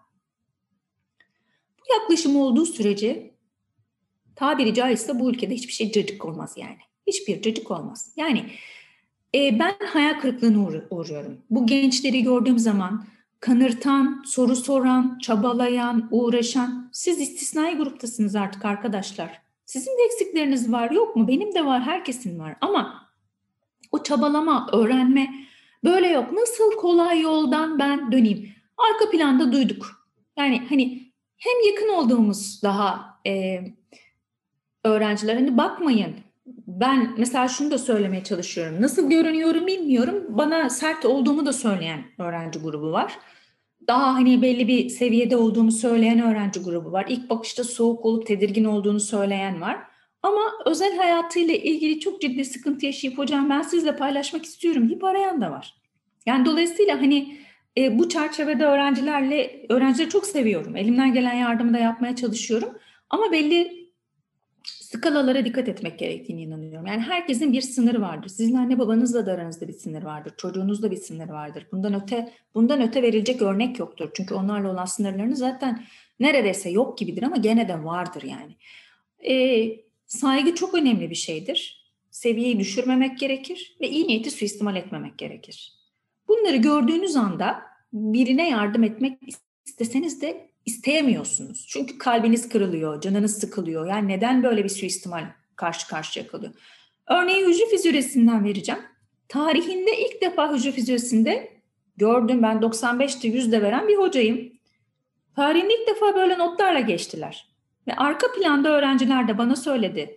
Mikrobiyoloji, hücre fizyolojisi dahil pek çok derste gruplar halinde kopya çekildiğini herkes söyledi. Zaten biliyoruz, bunları görüyoruz. Çünkü ben ilk defa test sınavı yaptım hücre fizyolojisinden. Çünkü vizeyi 15 günde zor okudum. E, çünkü şeydi, klasik sınavdı. Ne verebilirim? Bir de herkesin kağıdında genelde bir soruyu tek seferde okumak istiyorsunuz. İşte Berk diyelim ki bir şey yazmış, ona bir verdiysem öbürü mesela ondan eksik mi yazdı? 0,5 yani hakkını yememek için çok uğraşıyorsunuz ve böylece çok zaman kaybediliyor. Teker teker sistemden indir hele online'da tekrar dön bilmem ne yap çok vakit aldı. Ve sonra oldukça yani kendi adıma da nitelikli olduğunu düşünüyorum. Hatta Cihan Hoca ile de paylaştım. Soruları gördü. İnşallah geçerler Ebru dedi. Sorular için. Oo bir baktım 90, 100. Tabii kötü alan da var. 55-60 alan da vardı ama o skala çok yukarıdaydı. Finalde de şey bütünlemede de kalan öğrenci vardı e, ve asla ve asla alamayacak öğrenci gitti 95-100 aldı. Ya, hali böyle olunca siz burada bile katekulli yapıp da ders emeğini vererek geçeyim ben derdine düşmeyen bir gelecekten ne beklersiniz? İşte çocuğunuzla ilgili kaygılarınız başlıyor. Ya ben kime ülkeyi ve çocuğumu emanet edeceğim? Çünkü sizlerin iyi yetişmesi, bizden çok daha iyi yerlerde olması, her anlamda maddi manevi iyi yerlerde olup bu ülkeyi kalkın, kalkındırmanız umudumuz var bizim. Ama e, sizin nesilde o isteği, o araştırmayı, ya en çalışkanı olan bile bir akademik hayatta mesela görüyoruz. Ben şunun yanına gideyim de işte iki senede üç tane yayın yaparım. Sonrasında bilmem ne yaparım. İşte şöyle dedi. Ya bu yaklaşım var. Yani bir şey öğreneyim. Bunu tekniği geliştireyim. Laboratuvarı biraz daha iyiye götüreyim. Kendimi de kanıtlayayım gibi bir şey yok da onu oradan yaparım, oradan alınca buraya giderim. En iyisinde bile bunu bazen gördüğünüz zaman bu ne diyorsunuz yani. Ya da bir başka örnek vereyim, ondan sonra başka sorunuz varsa ona geçeyim isterseniz. Yani uzatıyorum biraz belki ama eski yüksek lisans öğrencilerim işte geçen hafta doktorasını bitirenlerden bir tanesi ara vererek başka bir yerde çalışmak zorunda kalmıştı. Çünkü kadro yoktu çocuk. Şimdi bizde hatta. E, o ve onun nesline baktığım zaman yani işte e, 2009 2010 mezunu herhalde. Ee, siz mesela bir deney yaptınız ya da bir öğlen yemeği yediniz. Laboratuvar kısmındasınız. Devam edeceksiniz çalışmalarınıza. Arkama bir dönüyorum. Laboratuvar toplanmış, yemek masası toparlanmış. Ben hiçbir şey söylemiyorum ama ona. O çünkü seninle çalışırken seni öğreniyor. Kendisinin de böyle bir isteği var ya da böyle bir sorumluluğu var. Hiç söylemiyorsunuz. Her yer pırıl pırıl. Ondan 3-4 sene sonra gelen Yine ilişkilerim çok iyi oldu yüksek lisans öğrencilerim. Çok da temiz titiz, çok sorumluluk sahibi olanlar. Bakın 3-4 yıl arayla. Aynı olaylar cereyan ediyor. Arkamı dönüyorum. Her yer leş. Diyorum ki Ayşe burayı toplayalım olur mu? Harika topluyor. Ama ben söylemeden toplamıyor. Ama harika topluyor. Yani o daha önceki çocuklar gibi çok iyi topluyor. Bir sorun yok. Şimdiki dönüyorum Diyorum ki bak burayı toplayalım. Yine söylemen gerekiyor zaten. Eğer ki çok böyle e, belli şeyler öğrenerek gelmiş bir çocuksa, kendini de yetiştirmişse ve belli bir sorumluluğu da varsa söylemeden de yapmaya çalışıyor. Çok iyi yapmasa da yapmaya çalışıyor. Bu bile bizim için lüks yani. Söylüyorsun, hani şey yaparsın, halının üstünde toz vardır da halının altına atarsın. Öyle. Yani bakın oradan buraya örneği vererek geliyorum. Yani ben artık e, laboratuvarda sorumluluklarınız değiştiği için ve ders ya da akademik bir takım sorumluluklarınızın yönü değiştiği için eskiden yaptığınız o temizlikti yapıyoruz. Ama daha böyle ıvır zıvır olan işleri söylemeden artık birilerinin yapacağı bir ortamda olmak istiyorsunuz. Ama bakıyorum ki derse gidiyorum. Laboratuvarı temizliyorum. Onu yapıyorum. Bulaşığı ben yapıyorum. Onu e, e, e ne anladım ben bu işten o zaman? İşte o zaman çok yorucu geçiyor. Artık öğrenci bu noktaya evrildi ama olumsuz yönde evrildi. Kalite çok düştü. Sorumluluklar çok çok değişti çünkü azaldı. Umrunda değil. Günü kurtarma derdinde çocuk. Sınavdan ben geçeyim, bütünlemeye de kalmayayım. Bir an önce mezun olayım. Ee, ondan sonra kolay yoldan da bir iş bulayım kendime. Artık sonrasına bir bakarım. Ne yazık ki bu duruma geldi ve kalite her gün birazcık daha düşüyor. E, lisansüstü öğrenci bulma şansınız artık çok azalıyor. E, gelenle çok çalışmak istemiyorsunuz. Hiç bilmediğiniz insanı elbette ki almak istemiyorsunuz. E, şu pandemi sürecinde başvurularda bir artış dediğiniz gibi oldu ama o da aman nasıl evde oturuyorum da bari en azından yüksek lisans mezunu olayım. Ya bu bakış açısı kolay yoldan hani televizyonlarda şu son birkaç gündür gördüğümüz bazı kolay yoldan bir şeyler elde etme şeyleri var. O tarafa doğru gidiyoruz ve bu insanı çok korkutuyor. Yani o, o eski bizim dönemimizin biz öğrenciden okuyan, araştıran, yazan yanlış soru sorabilir, yanlış bilebilir. Beş kere de sorabilir, hiç kızmam. Beş kere soran bir çocuğa hiç kızmam. Yeter ki öğrenme çabası olsun. Ama e, umrunda olmayıp ee, yani ben mesela bir çocuğa dışarıdan içeriye geldiği zaman bakın bilimsel boyutunu geçtim arkadaşlar. Dışarıdan içeri geldiğinde e, eline bir şey aldı bir şey yiyecek ya da geldi oturdu. Ahmet lütfen ellerini yıka. Niye diyorum? E zaten dışarıdan gelmişsin ortak bir alandayız biz. Yani bunu bile eğer düşünmüyorsa ötesini konuşmaya gerek yok diye düşünüyorum yani. O yüzden e, bunları artıracak ne yapmamız gerekiyor?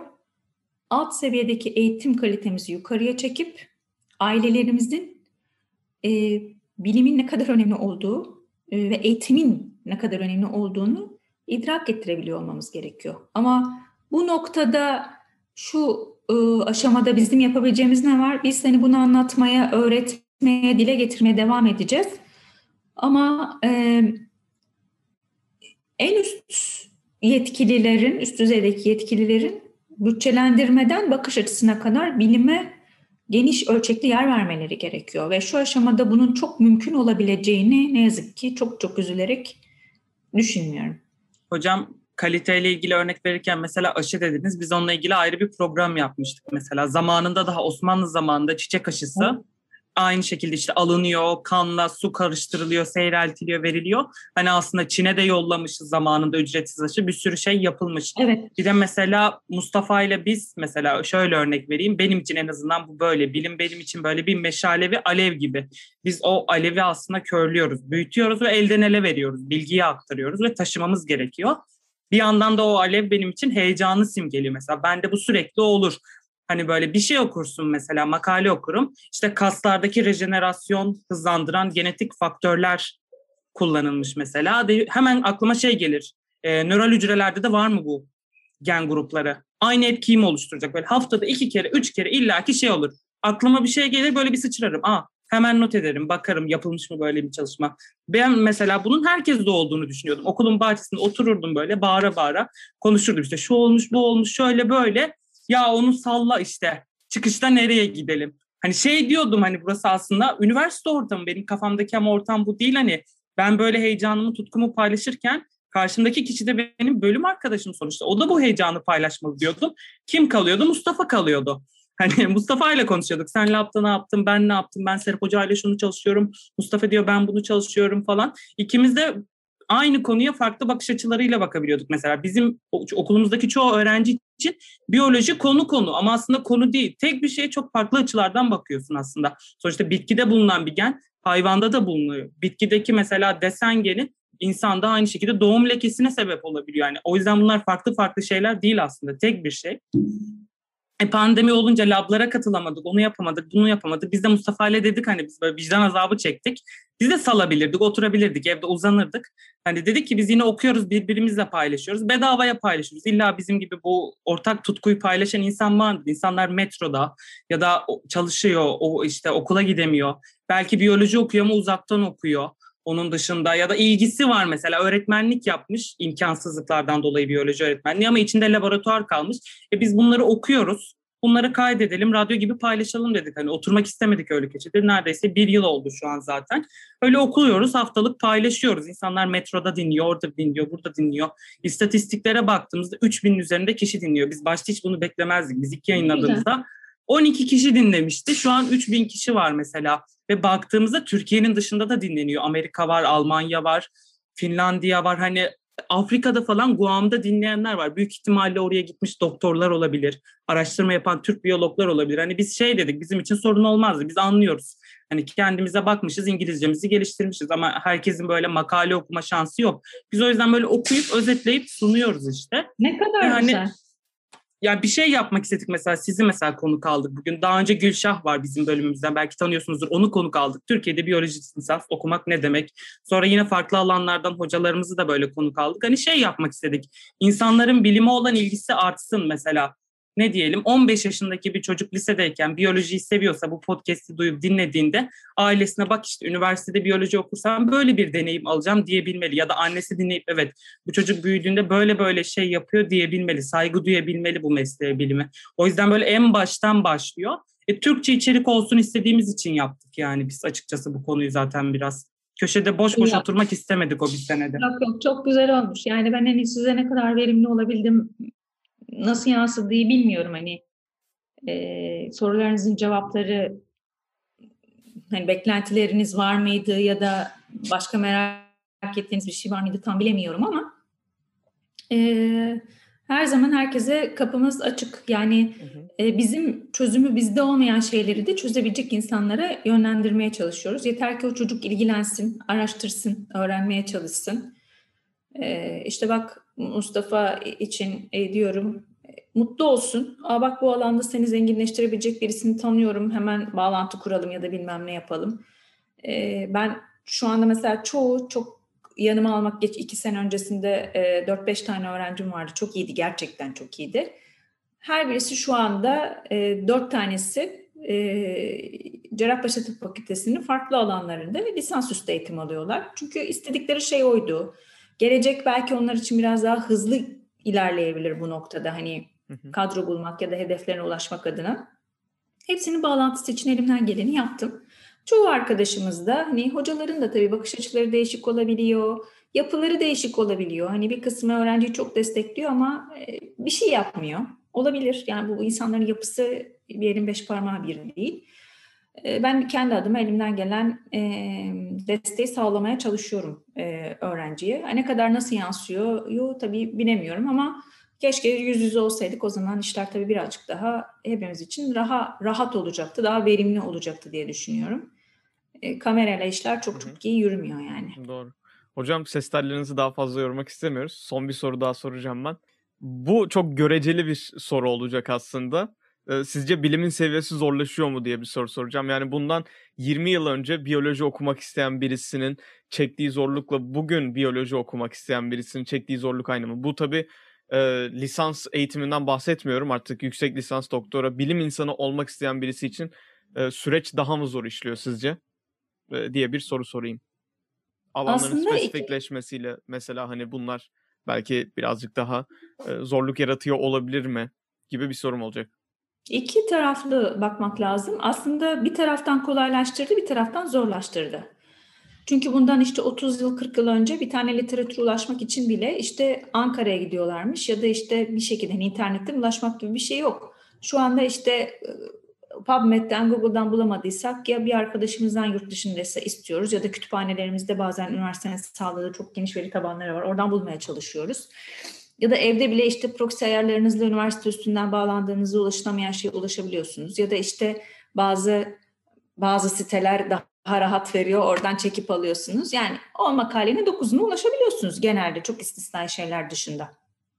Dolayısıyla bilgiye ulaşmak çok daha kolay ama doğru bilgiyi bulmak ve çalışan grupları çok iyi süzmek gerekiyor. Yani bir de tabii çok fazla alanda çok yeni güzel çalışmalar da var. Onları takip etmek çok kolay değil. Yani siz bugün bir çalışma yapıyorsunuz. Ülkenin koşullarında maddi manevi sıkıntılar, işte psikolojik sorunlar durmayan yaşıyorsunuz. Mesela bizim şu anda o binanın tadilatı zaten biz binanın dışındayız ve şu an hala hazırda bulunduğumuz yerde binada tadilat var. Yıllardır süren bir tadilat var.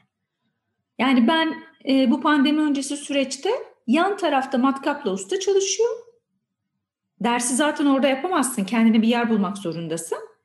E, ya da işte normal yüz yüze eğitim olduğu zaman aman diyorsun ders saatim gelse de gideyim hani buradan diye. Ya da gidiyorsun diyorsun ki ya rica edeceğim bir yarım saat ara verin ya da akşamüstü çalışın. Yani böyle bir konuşma geçiyor aramızda. Dolayısıyla hani bu e, fiziki koşulsuzluklar gibi e, insanı yapmak isteyip yapamadığı işler noktasına getiren koşullar nedeniyle işler hani daha zor. E, bilimi takip etmek gerekiyor. İşte az önce o saydığım bir sürü dış sizden beklenen ıvır zıvır işi de yerine getirmek zorunda olduğunuz için kaliteli vakit ayıramamanız ve okuyamamanıza dayalı olarak tabii ki geride kalıyorsunuz. Ya da işte bu koşulsuzluklara dayalı 2018'de sizin çok özgün olarak başladığınız çalışmayı bir bakıyorsunuz ki 2021'de sizin işiniz bitti. PubMed'de bir giriyorsunuz hiç yokken onunla ilgili benzer çok benzer bir çalışma çıkmış. Yani çünkü işler çok çabuk ilerliyor. Mesela ben yurt dışında çalışırken bir tane malzememiz bittiğinde ya da diyelim ki bir iğne özel iğne elektrotunuz kırıldığı zaman sizin maksimum bekleme süreniz 2 ila 5 gün ya da 7 gündür. Bizde 45 gün, 60 gün artık Allah ne verdiyse o da şanslıysanız yani. Dolayısıyla o süreçte zaten işler duruyor. Yani örneklendirdim. Burada bir yılda yaptığınızı orada üç ayda yapabiliyorsunuz. Ya da burada iki yılda yaptığınızı altı ayda yapabiliyorsunuz orada hani bakacak olursanız. Dolayısıyla e, bu anlamda elbette ki e, hani ulaşabilme, bilgiye ulaşma, hani okuyabilme, değerlendirme aslında çok olumlu şeyler. Yani işte Ankara'ya gitmiyorsun, internetten çok rahat bilgiye ulaşabiliyorsun. Ama işte o bilgiyi iyi kavrayabilecek bakış açısı edinmek, yani kalitenin aşağı çekilmesi olumsuz etkileyen en önemli sebeplerden bir tanesi. Bir de çok kapsamlı çalışmalar yapıldığı için siz neresine ne katacaksınızı aslında bulmak biraz daha hani zorlaştı. Eskiden ya zaten çok fazla konuyla ilgili çok çok çok fazla çalışma yoktu. Sizin yaptığınız her şey neredeyse yeni kabul edilebilecek durumda oluyordu. Şimdi özel bir alanda ve bu maddi koşulsuzluklarla literatür dışında olan bir şeyi bir şekilde yapmaya çalışmak. Aslına bakarsanız bilim, teknoloji anlamında çok ileriye gitti ama işlerimizi çok daha zorlaştırdı diye düşünüyorum ben. Evet, bir alanı tutturduysanız eğer e, ve o alanda çok açık nokta varsa o alanda siz akademik hayatınızın sonuna kadar çalışma yaparak ekmek yiyebilirsiniz. Ama işte o alanı, doğru alanı, doğru kişilerle iyi ekip kurarak tek başınıza mümkün değil bir şey yapmanız zaten. Bağlantılar noktasında e, yol kat edecek şekilde eğer yaparsanız bilimi doğru şekilde cebinize koyar, ülkenize de çok büyük katkılar ürün bazında da sağlayabilirsiniz. Ama şu koşullarda bu fiziki koşulsuzluklar, bu öğrencinin günü kurtarma çabasıyla devam ederseniz bu bilimdeki ilerleme sizi çok geride bırakabilecek olumsuz bir koşul haline gelir. Um, çok teşekkürler hocam. Açıkçası ben bu ses kaydından, bu yayından e, izleyicilerden ya da dinleyicilerden daha çok e, kendim yararlanacağım sanırım diyebilirim. Çok bencilce bir görüş olacak ama um, kişisel olarak sanırım en çok dinleyen ben olacağım bu yayını. Herhalde evet, birkaç çok kere sevindim. tek... Yararlı olduysa evet. çok sevindim. En çok herhalde yani. ben dinleyeceğim. Evet insanlar büyük ihtimalle dinleyecektir bizim gibi. Ama özellikle de hani kendimi geleceğin bilim insanı olmaya adayan birisi olarak hani burada dediğiniz şeyler benim için çok önemli. Sonuçta e, Berk de ben de yurt dışına gitmek istiyoruz eğitim almak için yüksek eğitimimize. Ama günün sonunda ikimizin de Türkiye'ye tekrar dönme hedefi var. Karşılaşacağımız zorluklar hakkında hala bilgimiz yok. Hani bize çok anlatmaya çalışıyorlar böyle böyle şeyler oluyor diye ama e, gerçekten ne kadar çok anlatılırsa o kadar belki kafamıza işleyecek. Sizin bize sormak istediğiniz bir soru var mı? Yok yani e, gittiğiniz her yerde hangi e, alanda çalışırsanız çalışın ama yüksek lisansa başlayın ama sonrasında inşallah ülkemize dönün ve burada katkı sağlayın. Her zaman bu bakış açısıyla öğrenci yetiştirmeye ve topluma kazandırmaya özen gösterin. Bunun önemli olduğunu düşünüyorum. Evet ders çok önemlidir. Dersinizi olabildiğince verimli anlatmaya çalışmak çok önemlidir. Ama dersten öte bir şey yapamıyorsanız da hiçbir şey yapamıyorsunuz demektir aslına bakarsanız. Öğrenci yetiştirmenin çok önemli olduğunu düşünüyorum ben. Ee, ama e, herhangi bir öğrencinin de oturup tezini yazmanın e, e, da doğru bir yaklaşım olmadığını düşünüyorum. Çünkü e, bir teze başladığında öğrenci kadar hocası da sorumludur ve o yapılan şeyden nereden katkı sağlayabilmek adına sorumlulukları eş paylaşırlar aslında. E, ben zaten bir yüksek lisans doktora yapmışım, yeniden yapmama ihtiyacım yok. Dolayısıyla e, her türlü katkıyı sağlamaya hazırım ama o çocuk eğer e, kendini geliştirecek vaziyette değil ve sürekli sizden bir şeyleri bekliyorsa siz de belli bir yere kadar verebiliyorsunuz ve karşılığında hani bir şeyleri görmek istiyorsunuz. Ve en önemlisi de bu bir hocanın da aslında gururu gerçekten araştıran, çalışan e, ve bunu çalışmalarına yansıtan bir çocuk bir test sınavına girdiği zaman diğer hocalar da e, onun ne kadar kaliteli olduğunu ifade ettiği zaman siz ayrı bir gurur duyuyorsunuz. Yani orada o gururu siz kendinize alıp direkt sahiplenmiyorsunuz. Elbette ki o hani abi benim öğrencim diyorsunuz o ayrı ama o çocuk için, ülke için, gelecek için ve kendi çocuklarımız için o zaman doğru bir yolda bir meşale yaktık. O zaman devam ettiriyoruz diyoruz. Dolayısıyla ya boş var bunu da böyle kurtarırız, onu da şöyle yaparız değil. E, belli kriterler çerçevesinde eğitimin ne kadar önemli olduğunu ama çabalamanın, araştırmanın, zorluklarla mücadeleyle günün birinde iyi noktalara gelip bu ülke için kalkınma için yol almamız gerektiğini öğretmek bence çok çok önemli bir nokta. Başarılı olamayabilirsiniz ama bir bakıyorsunuz ki zaman içerisinde başaramadığınız şeyleri siz bayağı başarmaya başlamışsınız ve birilerine anlatmaya başlamışsınız bu anlamda. O da bir ayrı aslında e, katkı oluyor. E, sizin için de diğer arkadaşlarınız ya da bu işe gönül koymak isteyenler için de ben ve benim çevremde çok fazla arkadaşım, hocam, çok kıymet verdiğimiz bu anlamda e, insanlar var. Her türlü bilgi paylaşımı, katkı ya da yol gösterme adına ee, bir telefon ya da bir e, fiziki ortam işte inşallah bölümümüz de tamamlanınca e, bir bina kadar uzakta olacağız. Dolayısıyla kapımız sonuna kadar açık. elimizden gelen her türlü doğru yönlendirme yapmaya da hazırız. Yeter ki e, içinizdeki ateşe doğru koşun. Biz her zaman yardım edeceğiz yani bunu da bilin. Zaten hani Türkiye'deki akademisyenlerle yurt dışındaki akademisyenler arasında gördüğüm benim en fark bu oluyor. Yurt dışındakiler biraz daha mesafeli olurken mesela Serap Hoca ile biz hani tartışıyorduk laboratuvarda. Deneyi ben yapıyordum ama sonrasında hoca diyordu sen öğrenmeye geldin bunları yıkama. Hayır hocam olur mu saçmalamayın hani ben yıkayacağım onları vesaire. Ve olabildiğince hani elinden geldiğince Türk hocalarımız Türk kültüründen de geldiği için hepimiz Türk olduğumuz için yardımcı olmaya çalışıyorlar. Hep bir adım daha öteye gitmeye çalışıyorlar. Yurt dışında daha mesafeli ve ciddi bir ilişki sürerken aslında biraz böyle o laboratuvar ortamı özellikle şimdi binasızlıktan dolayı bir odada kaç kişi olduğumuz için aile ortamı oluşuyor. Bir destek ortamı daha böyle komün bir sistem oluşuyor. O yüzden hani ben onu seviyorum mesela Türklük açısından diyebilirim yani bir destek ortamı, bir paylaşım çok ortamı. çok çizmek lazım ama. O suistimal olayına girmeden, iyi niyeti kullanmadan bunu yapmak lazım. Onu yapmadığınız sürece biz 7-24 her şeyi yaparız. Yani tabii ki mesela tez yazılmamalı öğrenci adına ama mesela destek olunabilir. E, bu zaten çok suistimal ediliyor. E, dediğiniz gibi üniversite sayısı arttıkça nitelikli aslında akademisyen olamayacak insanlar da atandıkça o onu tanıdığını, şunu hazır geçirelim, bunu işte intihal yapalım dedikçe aslında bu sefer bizim mesleğimiz akademisyenlik, bunların kalitesinin insanların gözündeki değeri düşüyor siz ne kadar kaliteli ve iyi olsanız da. O yüzden azalıp olanın kalitesinin artırılması gerekiyor. 500 tane küçük olacağına 100 tane çok iyi gelişmiş altyapıya sahip yer olsun. Hem herkes daha rahat ortak bir daha aza paylaşılmış bir bütçeyle daha iyi çalışmalar yapar. Hem de olanların kalitesi artar zaten hocam. Yani bizde kaliteli insanlar gelsin hem bölümü hem ülkeyi kalkındırsın. Bunu istiyoruz zaten. Kiminle çalıştığınızın bir önemi yok. Sevdiğiniz işte hem kendinize hem hocanıza katkı sağlayın. Atıyorum bir yükselme durumu olduğu zaman da Mustafa'nın ya da senin kiminle çalıştığınız değil, gerçekten nitelikli çalışıyor ve bu çocukların e, hocası işte hiç sevilmeyen, çok negatif birisi hiç önemli değil. E, bu çocuklara yol vermek gerekiyor. Önünde hani e, yolunu açmak gerekiyor diye destekli olmak gerektiğine inanıyorum ben de. Bizim başka sorumuz yok hocam. Teşekkür ederiz. Sizin ben son olarak eklemek ederim. istediğiniz bir şey var mı dinleyen kişilere? 3000 kişi dinleyebilir Hı. mesela bunu herkesinden. Yok. İnşallah daha da artsın. Ee, ışık yakalım e, akıllarında böyle bir parlama yaratalım. Eğitim konusunda çocuklarına her türlü desteği sağlayıp onları mutlu olacak meslek grubuna itsinler. Çünkü yurt dışındaki en büyük avantaj budur. İlgi alanları çerçevesinde çocuk yetiştirdikleri için o çocuklar çok daha özgüvenleri yüksek ve çok daha e, ülke için yararlı olan insanlar oluyorlar.